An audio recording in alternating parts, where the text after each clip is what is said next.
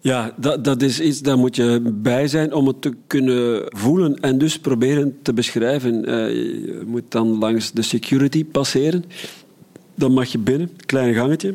En dan ineens kom je in de grote ruimte, maar dan nog heeft het iets besloten en tegelijkertijd heel open. Donker, maar niet ontoegankelijk. En dan ja, na enige tijd uh, heeft de DJ heeft de muziekje te pakken en dan ben je vertrokken. En dat duurt dan, en dan heb je geen besef meer van tijd eigenlijk. En dat is het leuke. En dan het volgende moment sta je buiten aan de deur van Fuse, klaar ligt de dag. En dan zoek je je wagen en dan zeg je, waar heb ik die nu geparkeerd? Op de, op de boulevard, op de ring? Of stond hij nu op Marolleplein? Ik hoop van niet, want daar staan al kraampjes, dan is mijn auto weg. Toch een paar keer voor gehad. dat was de Fuse. Waar staat mijn auto? En staat hij er nog? En uh, hoe laat is het nu eigenlijk? En uh, damn, ik heb echt terug honger gekregen. Zo. Ja, dat gevoel. Hey, hallo, ik ben Rick de Bruiker en je luistert naar de podcast van Studio Brussel 25 jaar Fuse. 25 jaar Fuse, dat is 25 jaar... Ons, ons, ons, ons. Ons, ons, ons, ons. Knap, knap, knap, knap, knap. Zoiets. Maar 25 jaar Fuse, dat is vooral ook elke week goed gaan op de betere techno. Om dat te vieren krijg je van mij drie afleveringen lang de hele geschiedenis van die technobad in de Blaasstraat 208 in Brussel. 25 jaar geschiedenis en ook een avond in de Fuse. Want wij gingen eens kijken achter de deuren, achter het licht en achter de schermen van een avond in de Fuse. En dit is aflevering 2 eigenlijk was op, op vrijdagavond was gewoon de state of mind van iedereen die uitging van waar gaan we vanavond naartoe. En hetzelfde gebeurde op zaterdag bij de meesten.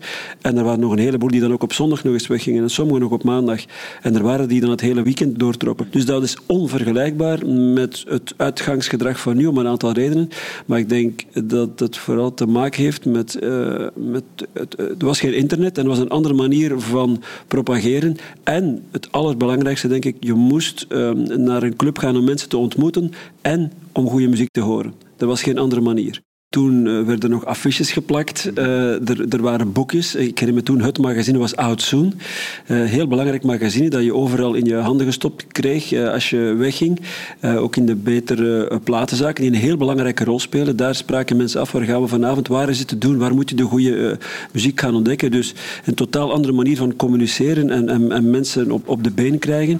En dan um, ja, ook eigenlijk gewoon compleet afwachten. Zal er volk zijn? Je moet weten, er was geen gsm. En op een bepaald moment ging je naar een club en, en ofwel was er niemand, ofwel zat het uh, bakken vol, zoals we zeggen.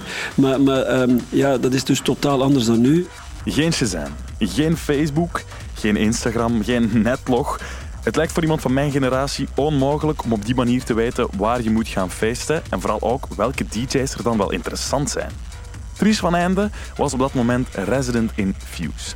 Bijna elke week zorgde zij ervoor dat het volk warm liep voor de headliners uit die tijd en dat volk dat vond op een manier toch zijn weg naar de Fuse. Eigenlijk was dat wel leuk. Want je was verplicht om uit te gaan om mensen te ontmoeten. Of naar de platenwinkel gaan. Of uh, dingen... Ah, was een supergoeie muziek. Wie zou ah, een keer die artiest boeken? Ja, en, dat waren natuurlijk ook nog niet van die gigantische prijzen zoals ze nu. Maar alles was een avontuur. En, en Fuse was ook... Je wist nooit niet wat je kon verwachten. Uh, elke week was er een andere DJ, of je die nu kende of niet. Het was echt een avontuur en dat kon echt wel variëren, maar het ging eigenlijk altijd om kwalitatieve muziek. Echt waar. Want uh, je kon eigenlijk in, in, in Fuse heel makkelijk een gesprek aangaan over... Uh, ik weet niet, over de NASA of weet ik veel van die dingen. Zo. Dat waren eigenlijk... We were just a couple of intellectuals. dat zich eigenlijk ook manifesteerde in de muziek zelf. maar ja, gelijkgestemde, ja, we zaten allemaal op onze trip van uh, we gaan de wereld verbeteren, we gaan de wereld veranderen. Toen waren wij allemaal pro-evolutie, pro-science fiction, pro-futuristisch. Het kon maar niet, modern en futuristisch genoeg zijn. En dan te weten, zoveel jaren later, dat er dan zo'n discussie over zou ontstaan. Bij ons was het gewoon allemaal over vooruitgaan en evolutie en, en ook ook mentaal, uh, iedereen, ja, veel mensen, allee, iedereen, veel mensen dat ik kende waren toch bezig met um, documentaires over uh, aliens in de toekomst. Ja, dat, kwam er allemaal bij. Ook van spirituele en emotionele en mentale groei zat er ook eigenlijk bij. We waren allemaal op zoek naar uh, intelligentere muziek, intelligentere mensen, intelligentere evolutie. Uh, dat we naar een beter tijdperk gingen gaan, naar een beter gedrag. Alles gewoon weg. aan de hand van de platen die uitkwamen, werden eigenlijk artiesten geboekt. Neem een paar onbekende namen, die een paar releases hadden uitgebracht, dat echt wel goede muziek was. Oké, we gaan die een keer boeken.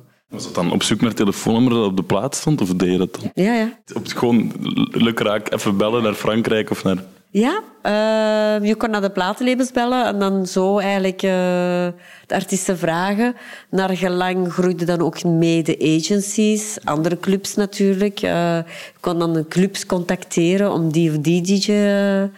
Waar, waar willen ze ze weg? Hè? Een van de mensen die op dat moment een stevig adressenboekje had, dat was Renaat van de Papelieren. Hij reed heel Europa rond op zoek naar goede feesten en vooral ook naar nieuwe artiesten voor zijn label RNS Records.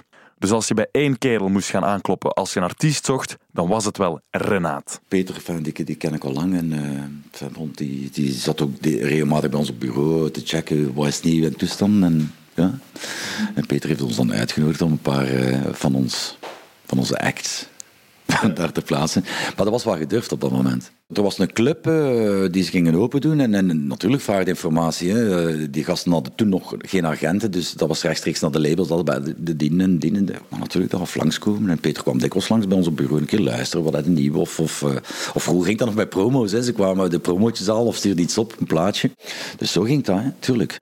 Dat ik ben Gilles. Zo, ik werk in de Fuse en ik doe de guestlist en de ticketje. En ik help ook voor de ticketverkoop. Okay. Hoe lang doe je dit al? Hoe lang? Doe je dit, deze job al? Deze job? Ja, dat is bijna... Nu, dat is vijf jaar, zes, of meer dan tien jaar ook. Je weet het zelfs niet ja, meer. ik weet niet meer. Het is zo tof. Ja, dat is altijd zo. Ja, als mensen komen hier, zegt ja, maar je ziet je ticket, je geeft een ticketje en dan, eh, als ze zijn klaar, dan gaan binnen. Maar ik moet geen probleem doen in die kassen. Als iemand heeft een probleem, ik moet kijken met Andy of met Nick om te uh, doen een uh, zegt u dat? Retour. Ja, een retour om te laten weten. Als ik heb gedaan om te werken, ik doe mijn trip in die nightclub hier om te weten. Ah, bent u content? Als iemand is niet content, ik hoor. Ik lever om te spreken met alle personen. We zien iemand van waar is totaal iets anders van iemand van Nederland, van Vlaanderen. Dat en iemand van Frankrijk, die komt hier. Ah, we zien direct dat komt van Frankrijk. Maar we hebben veel, veel internationaal publiek nu. We moeten geen probleem hebben hier. Bon, ik werk voor Fuse. Ik ben, als we werken in Fuse, we moeten Fuse, voor penser Fuse. En dat we denken zo, de Fuse groeit altijd. Ja, deze is ergens scannen. En, en dat is u net. Doe maar, we gaan kijken. Peter de Kuiperen boekte voor Fuse al heel snel een pak Amerikaanse namen. Niet onlogisch, want op dat moment leek alle goede techno wel uit Detroit te komen. De eerste keren dat gasten zoals Jeff Mills en Derek May in Europa stonden, was dat ook in The Fuse. Die DJ's die kwamen, weet je, we wisten zelfs niet hoe ze eruit zagen. Hè, die DJ's, dus ja, um, er was geen social media, er waren ook geen magazines. En de Humo had die TTT-pagina's, maar dat was rock. Hè, rock. Uh, er waren gewoon geen, er, was geen DJ-cultus. De DJ bracht, bracht muziek was één van ons. En that's it. Hè. En die dronk een pint. En als die aan de bar stond, wist je niet meer wie dat was. Dus in feite de DJ's uit, uit Detroit, die daar eigenlijk in Amerika niets van erkenning kregen. Hè. Die kwamen hier toe, die werden niet ontvangen als, als goden. Zo zagen wij die ook. Hè. Want het enige dat we wisten op de luchthaven, er moet inderdaad iemand met een platenbak van het vliegtuig komen uit, uit Detroit of uit uh, Chicago, whatever. Voor de rest wisten we niet hoe dat die mensen eruit zagen. Voor hen was het zoiets zo van, wordt onze muziek hier geapprecieerd? Die konden zich dat niet voorstellen. Dus voor hen was dat hoe dat wij die respecteerden en over die muziek konden praten. Voor hen, ja, Brussels, en bedoel, ja, had natuurlijk ook. En die werden ontvangen als goden. Hè. Uh, Renat van RNS kwam dan ook nog aan tafel zitten en die sloot dan nog een deal met die mensen. Dus dat was zoiets van. What's happening in Belgium? Wat, moeten we verwachten? De eerste keer dat hij in Europa komt. Tussen al die blikscheiters. What's gonna happen? Well, ik, ik, herinner me, dat was, dat was fenomenaal. Want hoe, hoe overleefde zo'n artiest op zo'n moment? bijvoorbeeld, je zegt, in de Verenigde Staten was er niet echt technoclubs, er was niet echt een, een, een plek waar ze terecht konden, dus die moesten naar Europa om te komen draaien. Ik kreeg wel goede fees. Pas op, en als je zo ja, twee keer in de week draait, ik zeg niet dat enfin, nu, fees zijn natuurlijk hoger, maar pak nu 2000 dollar, maal drie keer. Dat is beter dan werkloos zijn, hè. Krijg je die weten voor iets? Alles is betold. Moet een beetje naar nozelaar uithangen.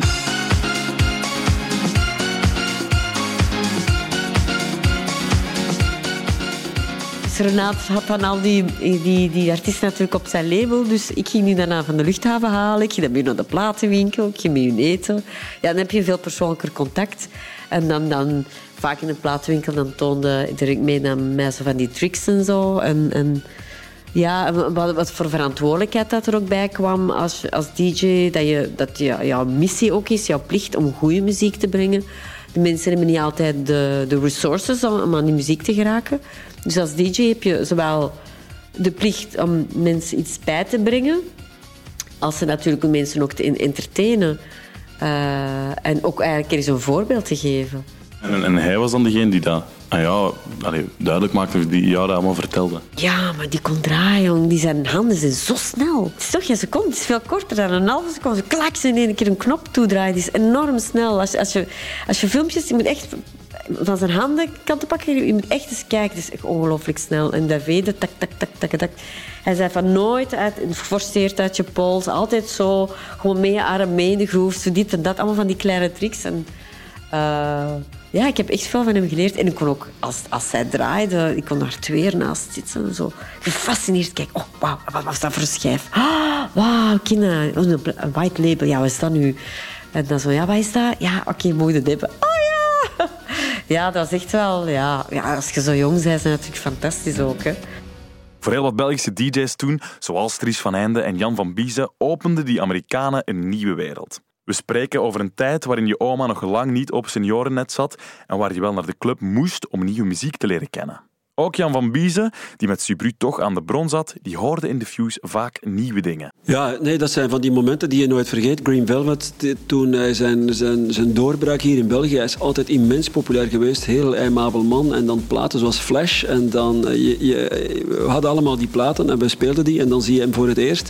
En dan, dan uh, Green Velvet had het geweldige trucje wat we niet kenden toen, om in zijn, zijn, zijn, koptelefoon te spreken.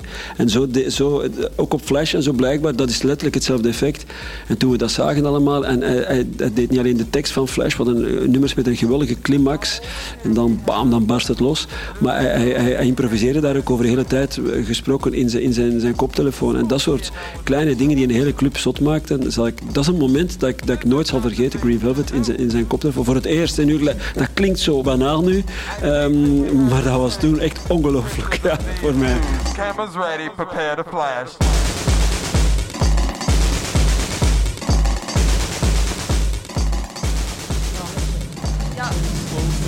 Vlaams. Ja, maar ja. ja. Ik parle français. Oui, oui. Wel, ah, uh, français. Ja. We zoeken eigenlijk de sleutel van het appartement. Pardon Pas de va-et-vient. Les clients qui avec le voisin. Ok, merci. Zijn jullie terecht gekomen? 25 jaar al dit. Hoe dat terecht komt bij wat bedoel je? Hier bij Fuse om hier te beginnen werken om te beginnen werken. Ja. Nou, zomaar. Uh, ik, ik, werkte in Gent als uh, portier. En ik had een collega die begon. En zei ja, in de, in de Fuse had een nieuwe, nieuwe zaak geopend, die, die open had. We uh, interesseer u dat? Ik zei ja, waarom niet? Kun je komen kijken. Voilà. En dan nog. En dat is altijd. Al de anderen zijn allemaal weg. En woont je nog in Gent? Ja, ik woon nog in Gent, ja. Dus elke keer over, over en weer? Niks, hè. Maar sowieso, overdag werk ik ook, hè. Overdag moet ik ook heen en weer, hè. Stap. Stap. En waarom blijf je als je 25 jaar werkt, wil dat zeggen dat je ook wel graag werkt, toch? Ah, ja, natuurlijk. Tuurlijk. De mentaliteit van de portier, dat, die daar, uh, dat interesseert mij niet. Hè. Zoals bij de andere, in de andere... Ik heb genoeg, in Gent heb genoeg. In Gent was ik ook portier. Hè. Daar moest je ook, uh, weet wel... Uh, nee, nee, ik heb paar vriendschappen komen met de klanten. Mm -hmm. Niet de, de boeman uithangen en zo. Ja, ja, ja. Vroeger, vroeger was het moeilijk. Met ja. de klanten ook, hè. Ja, ja. Op, hè. De meeste klanten kenden elkaar. Hè. Oh ja. In de was daar één klant. Allee, weet wel, hun zaak. De, mensen zien dat nu anders. Hè. Nu hebben ze hun boaten niet. Ze gaan meteen naar het andere. Mm -hmm. Vroeger waren echt mensen die altijd naar de vuur kwamen. Vroeger, in de andere boaten ook. Hè. Mm -hmm. In Gent was het ook zo. Hè. Had je ook zo'n cliënteel. De mensen hadden hun, hun zaak, weet wel. Het is een mentaliteit die verandert. een soort van stamcafé met dan club.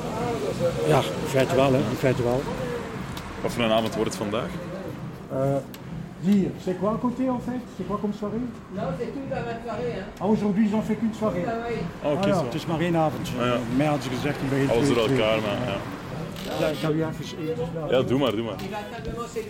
Maar ondanks dat één, de sfeer juist zat, en twee, die DJ's bij de wereldtop toen hoorden, maakten Peter en Thierry nog steeds elke week verlies. Ze slaagden er maar niet in om die zaal in de Blaasstraat vol te krijgen. En als het druppelt in Brussel, ja, dan moet het wel aan het regenen zijn in Parijs. Fill with confidence to, to succeed. Hè? Het was simpel. Ofwel lukt dat en, en ofwel lukt het. En, uh, en dan gaan we een verschil maken. En er is geen alternatief. Er, is geen, er was geen plan B. We hadden natuurlijk ook wel een beetje van. Um, het was hoog gegrepen om elke week een technoclub te doen met DJ's. Maar langs de andere kant dacht ik van. De voorbeelden in het buitenland. Hè, want daar, voor mij was er eigenlijk maar één club dat ik dacht van die voor mij als voorbeeld diende het kan. En dat was de Rix Club in Parijs op donderdagavond, de avonden van Laurent Garnier. Wat was het grote verschil?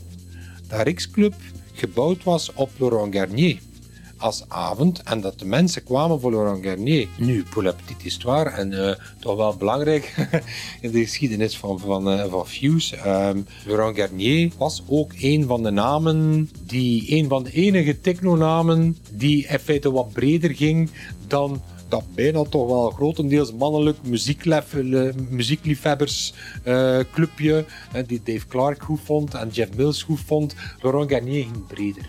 Laurent Garnier, dat is ook een gast als die ziet draaien. En die staat dat, dat, een beetje op zijn Frans. Het staat dan wat sexy te doen. Hè. En de gast, dat, dat, dat de vrouwen naar kijken en zeggen van... Hm, al, is het nu niet de muziek, hè? Oh, het is toch leuk om naar een gast te kijken. Vele techno-DJ's zijn niet zo leuk om naar te kijken. Ik ga geen namen noemen. maar kom, of communiceren ook niet op zo'n manier met een publiek. Laurent Garnier doet dat op zijn Frans, is iemand die er staat. Maar het probleem was dat Laurent Garnier, dat ik absoluut hier wou in Fuse, die wou niet meer naar België komen. Dus die had een, een aantal slechte ervaringen gehad in uh, België. Um, ik zou hem blijkbaar ook. Hè. Dus dat is dus het verhaal. En uh, Laurent Garnier gaat dat altijd aan als anekdote. En het zou kunnen, als anekdote. Hem ooit gezegd hebben hier in België. Hij had mij een cassette gegeven, ik had dat beluisterd. En ik zou hem ooit gezegd hebben: Ta muziek, ça va jamais marcher en Belgique. Ik zou hem ooit gezegd hebben, want het is voor die klik van Ik zou hem ooit gezegd hebben: Laurent, je crois que ta musique, ça va jamais marcher en Belgique. Het zou kunnen dat ik hem dat heb gezegd. Uh, uh, maar kom, Laurent Garnier zegt dat zo is. Uh, dus het zal wel zo zijn. Maar ja, oké, en dat betekent dat ik naar, naar Laurent Garnier dan naar de Rixing en hem vroeg van... Ja, maar ja, wil je eens komen bij mij? Ik heb nu ook een club in België, Fuse Techno. En dat hij mij eigenlijk kijkt... Non, plus jamais la, la Belgique. Plus jamais de ma vie la Belgique, zei hij. De week daarna ging ik terug. En zei ik, Laurent, tu viens pas au Fuse La Belgique, plus jamais de ma vie. En dat was week na week, maar ik ging elke week ook omdat ik het muzikaal heel interessant vond. Natuurlijk, en op een bepaald moment uh, vroeg ik hem, c'est quoi Fuse?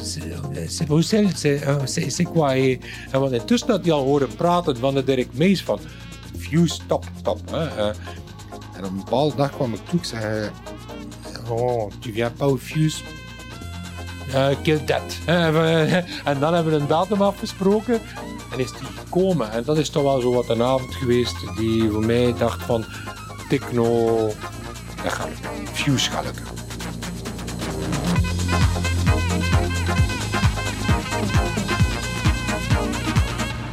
En of techno begon te lukken. Hi, it's Dave Clark. Ook de grote namen kwamen dan ook met plezier naar de Fuse. Zelfs de baron van de techno stond al heel snel in de booth van de Fuse. Dave Clark werd er zelfs even resident van de club. Maar volgens hem is Fuse dan ook een meer dan legendarische club. Hij herinnert zich zelfs de eerste keer dat hij in de Fuse stond en het onthaal was um, best opvallend. It was around 94 and I got put in a hotel on a square above a bar with a very small single bed, a packet of Pringles and uh, a beer. And that was my hospitality. Maar ondanks die eerste keer is hij blijven terugkomen, want de Fuse is voor hem een monument. I remember playing there and being blown away because at that time, uh, obviously techno was far more credible than what it is now. And far more underground just by the way that uh, social media uh, didn't exist and there wasn't any hype with Instagram or Facebook or anything. It was just word of mouth or records that were released. And Fuse was at that point probably one of the most important clubs to be playing at because um, I can say there weren't that many clubs doing doing techno really in, in such a solid way. So it was it was very special to be there. Because mm-hmm. was Fuse a reference around the world for techno? Uh, I think Fuse is one of the foundation stones for European techno uh, to exist because there were a few clubs that were around. One of them still around. is called the Rex in Paris. Um, but there were a few clubs that just had this special reverence and understanding towards what techno was, and it was a very important place to play. But Fuse was is definitely a foundation stone for making a long-lasting and healthy scene for techno in Europe. Mm-hmm. You you told that the the first time you had like you were in a hotel room, but how was the club like? Because Nick told me that you once said that Fuse was dirty, was filthy. What, what, was the atmosphere in the club? How did it look like? How did it feel like well, the playing the there? Atmosphere, the atmosphere was electric. Um, people have been waiting for me to be there. Um, they they knew my music, which you know when you're at the not the beginning of your career, but the beginning of your international part of your career, you don't know how that's going to work out. You don't know if people are going to know who you are. Sometimes you can end up in a club in the middle of Germany and no one knows who you are. Sometimes you can end up in the club in the middle of Germany and everyone does. You just don't know what's going to happen. When I got to Fuse, uh, everyone knew what I was about, what music I was playing. Uh, yeah, I mean, I love the club. For me, it's uh, it's a very special place. It's you know, how many people you know that can say, "Well, I love this club. It's been over for 25 years, and I, played there every single year, quite often for 20, 22 years." Oké, in die club waren mee. De DJ's die kwamen zelfs met plezier langs en er kwam zelfs volk op af. Jan Houtkiet kreeg meer en meer ongelijk. Het, het, zorgde, zorgde voor, uh, voor verhitte discussies. En, en, dat was best spannend om dat toch als eh, zender te durven omarmen. Op een bepaald moment kan je ook niet anders meer, omdat het gewoon iedereen ermee bezig is. Uh, maar ik, ik, durf wel zeggen dat met Technovel en een aantal andere programma's we toch, en zeker Switch ook in het begin, met, met, met een aantal uren echt full-on techno, dat dankzij Fuse we, we toch de, de, de boot misschien net wat te laat, maar toch niet helemaal gemist hebben. En dat we nu al een hele tijd, wat betreft techno en house en dat soort muziek eigenlijk helemaal mee zijn. Maar in het beginjaren was het best lastig voor een station dat een, wat toch een pop-rockstation was, om gewoon dat, dat, dat te, te, te, doen en te durven doen. Maar nogmaals, initiatieven zoals Fuse en, en vele andere toen hebben ons overtuigd van uh, het, het vitale van, van, van die, die, die muziekscene en die muziekcultuur. En dat was het voor mij alleszins, niet voor iedereen hier, dat, dat moet ik ook zeggen, een no-brainer om daar gewoon mee mee te doen. Kreeg je brieven of zo binnen? Veel, ja. Brieven, slechte reacties, uh, anti-muziek. Uh, het is gedaan, ik luister niet meer. Uh, waar zijn jullie mee bezig? En, en sell-out en dat soort. Oh, zever. Dus we bevinden ons nu in de kassa van de ingang. de kassier moet behoefte doen. Om het uur doe ik de tour, vraag ik aan de mensen of dat ze naar het toilet moeten gaan. Ja. Dus, dus de hele tijd gewoon zo. Dus het is de hele nacht rondlopen en alles in de gaten houden. En, zien, zoals ik uh, al zei, dat vlot verloopt. Dus. En de muziek, is dat iets, ben je daar nog, nog mee bezig op zo'n avond? Het hangt ervan af. Soms wel, soms niet. Als het rustige avonden zijn, ben ik meer met de muziek bezig. Nog altijd meer met het werk, maar ik heb meer tijd om te genieten van muziek. Op avonden zoals deze heel weinig. Dus het is vooral concentratie, bezig zijn met de club, bezig zijn met de mensen die voor ons werken. Um, uh, het, is, heel veel. Is, uh, er komt echt wel wat bij kijken. Dus uh, het hoofd moet 100% bij het werk zijn en niet bij muziek of niet bij het feesten. Daar zijn andere collega's voor. Bonsoir, goedenavond. Een Belgische club waar de grootste namen ter wereld achter het dek staan. Dat is iets om van te dromen. Zeker ook voor de lokale DJ. Want ja, wie wil er nu niet in een club gaan staan, gaan draaien, waar het volk met plezier hard gaat op die beukende techno? In de Fuse mogen draaien was een hele eer. Ik heb vaak, het goede aan de Fuse is ook dat het, uh, en, aan techno, techno is internationale muziek. Um, in principe weinig, weinig vocals en een heel universeel gegeven. Het is muziek die je raakt, die iets doet en dan gaat dat heel diep of, of, of het doet je niets. En, en, en uh, het feit ook dat het uh, een, een club was in Brussel, waar wel wat Vlamingen kwamen, toch opvallend, die, die de moeite deden om, om naar de, de Blaasstraat te gaan. Maar ook tegelijkertijd ook heel veel Brusselaars, maar mensen die van Noord Frankrijk kwamen en, en passanten die in, in, in, in Brussel hier, hier logeren. Dus het was een hele boeiende mix van, van, van een publiek. En dat is toch altijd veel leuker dan in Zichem, Zussenbolder, uh, 150 uh, Vlamingen op, op een beat zien losgaan. Dus dat, dat, dat, dat, dat universele, dat multiculturele dat er toch ook in zit, um, heb ik altijd heel boeiend gevonden in de Fuse ik ken zijn naam niet meer, maar de keer dat ik gedraaid heb, er was iemand speciaal voor het licht en die, die volgde echt de, de, toen vinyl, alleen maar vinyl, en die, die keek mee naar de, de, de, groeven in de plaat en die wist perfect wanneer een break aankwam en die, die lette elke seconde op, die was eh, even attentief als, als de DJ.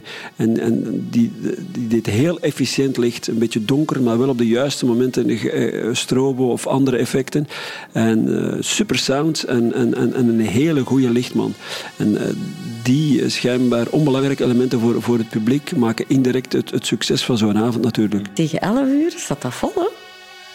Dus uh, dat kon ik eigenlijk zo. Maar kon ik ook van die meer van die diepere, meer intellectuele techno. Want eigenlijk, als ik er nu op terugkijk, was, was ik eigenlijk echt van een technosnop. en, maar dan zo opbouwen. En dan kon je de mensen ook iets bijbrengen, kwalitatieve muziek. Als je die midden van de avond zou zetten, dan too soft. Alles valt ineen als een, eh, een pudding. Uh, een soufflé eigenlijk. Uh, maar ik heb dat met de jaren geleerd. En dat was een hele goede leerschool. Doe het maar, hè. Mensen op de dansvloer trekken. Daar heb ik heel veel van geleerd. En dan heb ik geleerd van op te bouwen, een bepaald punt. Redelijk stevig te gaan. En de reputatie heb ik natuurlijk met de jaren opgebouwd. En dan, op dat cruciaal moment, als je dan iets zweverigs of iets melodieus of weet ik veel, dan krijg je hetzelfde effect als een zweefvliegtuig. Dat je al met zo'n dynamiek en energie aan het draaien bent, dat je zo ah, zag je, zweverig gevoel creëert. En dan kun je zo'n dingen wel draaien.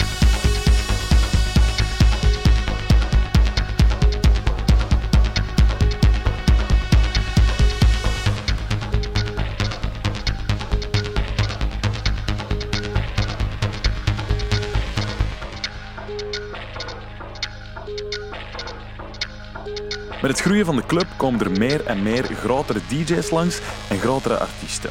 grotere namen, dat betekent helaas vaak ook grotere ego's. En met grotere ego's komen grotere riders. Ook in de Fuse worden er soms opvallende eisen gesteld. Nick is ondertussen eigenaar van Fuse, maar hij loopt al heel erg lang mee in de Fuse, 20 jaar ongeveer. Ook in 97 was hij erbij toen Jurk in de club stond. En die heeft voor een opvallende ingreep gezorgd daar in de Fuse. In 97, toen dat alles in onze branche nog niet zo professioneel was, kregen we van Björk uh, het contract binnen. En uh, Björk wou absoluut niet komen zolang of dat er geen private backstage toilet was. En ons backstage toilet is er nog altijd, met dank aan Björk. We hebben nog gewoon nog geen plakkaatje kunnen hangen. Maar dat moest er absoluut zijn. Um, ze heeft van de backstage geen gebruik gemaakt. Maar um, net toen dat ze op moest, en ik herinner me dan nog, er was een warm-up DJ dat ze zelf meegebracht had, DJ Sam. Dat was verschrikkelijk. Dat echt niet om aan te horen. Dat was van die jungle met trance. En die gast was aan het mixen met een paar supergoedkope Sony plug-in earphones. We spreken over 97, echt alsof van die heel goedkope dingen dat je vroeger kocht in de krevel, weet ik veel waar, met zo'n superfijn draadje. Dat klonk schel, dat trok op niks. En um, toen dat Björk moest uh, beginnen, Mark Bell stond al klaar met, al zijn toestellen. We vonden Björk niet. Um, die was met haar manager in het toilet. Um, ja, die waren gewoon aan het fucken in het toilet eigenlijk. dus vandaar dat hij die backstage moest hebben. Uh, ik denk dat dat misschien daarvoor nodig was. Maar dus ja, onze backstage toilet is uh, ontheiligd door Björk.